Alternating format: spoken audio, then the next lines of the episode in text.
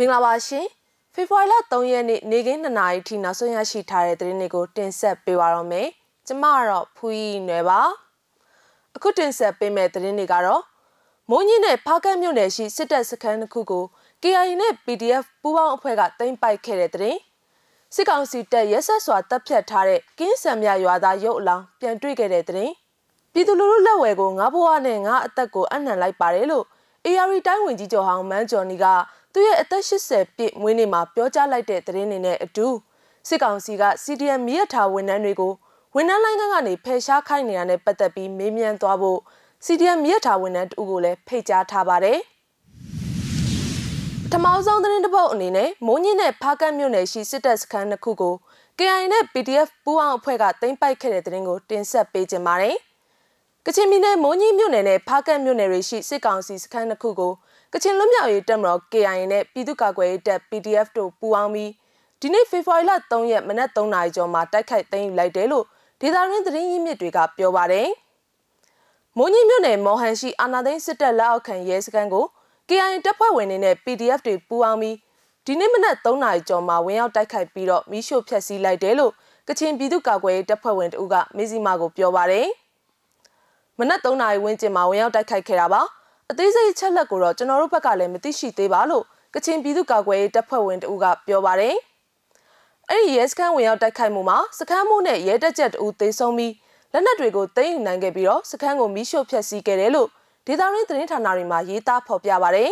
။အလားတူဖားကန်းမြို့နယ်လုံကင်းကျေးရွာအုပ်စုဥရုချောင်းတစ်ဖက်ကမ်းဂျာယန်ကျေးရွာရှိစစ်ကောင်စီတပ်စခန်းကို KIA တပ်ဖွဲ့ဝင်တွေနဲ့ PDF တွေပူးပေါင်းပြီးဒီနေ့မနက်3နာရီကျော်မှာတိုက်ခိုက်သိမ်းယူခဲ့ပါသေးတယ်။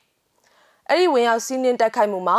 ဖားကတ်မြို့ရှိအာနာသိန်းစစ်ကောင်စီဗျူဟာကုန်းကလည်းလက်နက်ကြီး၁၀ချက်ထက်မနည်းပစ်ခတ်ခဲ့တယ်လို့ဒေသရင်းသတင်းရင်းမြစ်တွေကပြောပါတယ်။ဒါပြင်ပူရောင်မြို့နယ်စွန်ပီယန်ကျေးရွာရှိစစ်ကောင်စီတပ်စခန်းကိုလည်း KIA တပ်ဖွဲ့ဝင်တွေနဲ့ PDF တွေကပြီးခဲ့တဲ့ဖေဖော်ဝါရီလ၁ရက်နေ့မနက်10:00နာရီခွဲမှာပူးပေါင်းတိုက်ခိုက်သိမ်းယူခဲ့ပြီးတော့လက်နက်တွေနဲ့အတူစစ်သားတအုပ်ကိုဖမ်းဆီးရမိခဲ့တယ်လို့ပူရာ PDF ကသတင်းထုတ်ပြန်ထားခဲ့ပါတယ်။ ကချင်ပြည်နယ်မှာစစ်အာဏာသိမ်းမှုတစ်နှစ်ပြည့်တဲ့ဖေဖော်ဝါရီလ၁ရက်နေ့ကနေဒီနေ့ဖေဖော်ဝါရီလ3ရက်နေ့မနက်ပိုင်းအထိ KIA နဲ့ပြည်သူ့ကာကွယ်ရေးတပ် PDF တို့ပူးပေါင်းပြီးစစ်ကောင်စီတပ်စခန်း၃ခုကိုတိုက်ခိုက်သိမ်းယူခဲ့တာပါ။စကိုင်းတိုင်းကဏီမြို့နယ်ကင်းစံမြကြီးရွာမှာတပ်ဆွဲထားတဲ့စစ်ကောင်စီတပ်တွေဟာရွာသားတအုပ်ကိုလက်ပြန်ကျိုးတုပ်ပြီးလေဘင်းကိုဓာတ်နဲ့ခုတ်တက်ပြီးတဲ့နောက်ချင်းတွင်းမြစ်ထဲပစ်ချထားခဲ့ပါတယ်။ ပြီးခဲ့တဲ့ဇန်နဝါရီလ31ရက်နေ့မှာအသက်25နှစ်အရွယ်ကိုစင်ပေါက်ခေါ်ကိုချမ်းသာကိုအဲ့ဒီလိုတပ်ဖြတ်ထားခဲ့တာဖြစ်ပြီးဖေဖော်ဝါရီလ1ရက်နေ့မှာကန်းဆက်တနေရာမှာရုပ်အလောင်းကိုပြန်တွေ့ခဲ့တာပါအဲ့ဒီနေ့ကစစ်ကောင်စီတပ်သားတွေတက်ဆွဲတော့ရွာသားတွေပြေးကြတယ်တစားကန်ဖမ်းထားတာတွေလည်းရှိပါတယ်အဲ့ဒီမှာကိုချမ်းသာကတရိษံတွေကိုအစာပြန်ကျွေးတဲ့အချိန်မှာအဖမ်းခံလိုက်ရတာပါပြီးတော့အခုလိုအသက်ခံထားရတာကိုတွေ့ရတာလို့ကိုချမ်းသာကိုစစ်ကောင်စီတပ်သားတွေတပ်ဖြတ်ပုံကိုဒေသခံတူကပြန်ပြောပြပါတယ် ကိုချမ်းသာနဲ့အတူအဖမ်းခံရတဲ့အခြားရွာသားတဦးကိုသေပြီးအထင်နဲ့ရေထဲမျောချထားခဲ့ရမှာဒေသခံကာကွယ်ရေးတပ်ဖွဲ့တွေကလိုက်လံကယ်ဆယ်ခဲ့ပြီးအဲ့ဒီသူဟာအသက်ရှင်ခဲ့တယ်လို့သိရပါတယ်။ကိုချမ်းသာပျောက်ဆုံးနေတဲ့ညမှာမိခင်ဖြစ်သူဟာညာလုံးပေါက်လိုက်လံရှာဖွေခဲ့ပါသေးတယ်။မနက်လင်းချိန်ကိုချမ်းသာရဲ့ရုပ်အလောင်းကိုပြန်တွေ့ချိန်မှာတော့မိခင်ဖြစ်သူဟာချင်းနှင်းမြစ်ကမ်းစံနဘေးမှာပုံနဲ့သားထိုင်ကြပြီးတားဖြစ်သူရုပ်အလောင်းဘေးမှာအော်ဟစ်ငိုကြွေးနေတာကိုရုပ်တံဖိုင်မှာတွေ့ရပါတယ်။အမေသားလေးပါပါလား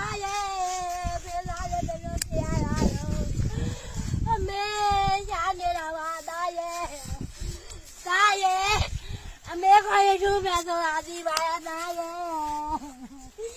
ခလေးလေးရဲ့ချမ်းသာရဲ့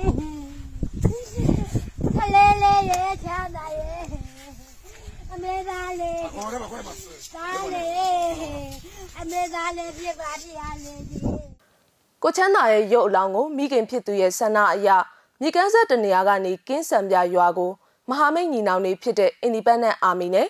ချင်းတွင်းရန် heroes တို့ကတည်ယူပို့ဆောင်ပေးခဲ့ပြီးနေမီကန်ပကဖတွေနဲ့ပူအောင်ပြီးကိုချမ်းသာရဲ့ရုပ်အလောင်းကိုကောင်းမွန်စွာမိတကြိုပေးခဲ့တယ်လို့သိရပါတယ်။ချင်းတွင်းမြစ်ကြောင်းမှာစစ်ကောင်စီတပ်နဲ့ဒေသခံပြည်သူ့ကာကွယ်ရေးတပ်ဖွဲ့တွေအကြားဇန်နဝါရီလ25ရက်နေ့ကစတင်ပြီးမြစ်ကြောင်းတစ်လျှောက်တိုက်ပွဲတွေပြင်းထန်လျက်ရှိနေတာပါ။အဲ့ဒီတိုက်ပွဲတွေကိုအကြောင်းပြုပြီးစစ်ကောင်စီတပ်တွေဟာ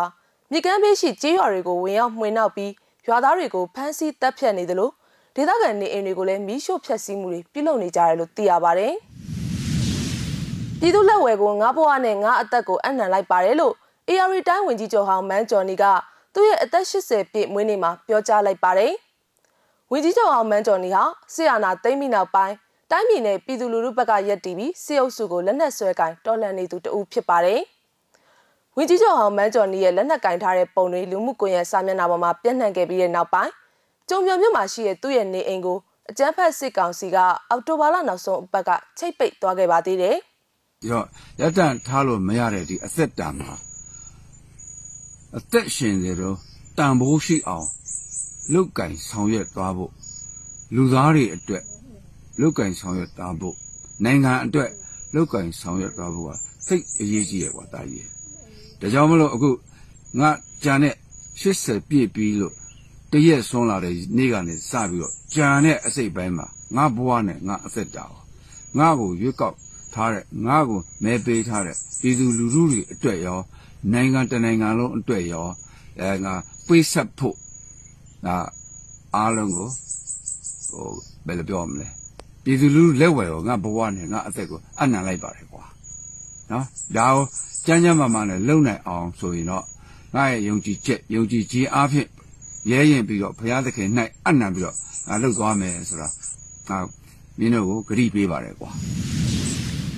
စစ်တပ်ကမတရားအာဏာသိမ်းလိုက်ချိန်မှာအကြမ်းမဖက်အာဏာဖီဆန်ရေးလှုပ်ရှားမှု CDM မှာတခဲနဲ့ပါဝင်ခဲ့ကြတဲ့နိုင်ငံဝန်ထမ်းတွေအထက်မိရထားဝန်ထမ်းတွေလည်းအပါအဝင်ဖြစ်ပါတယ်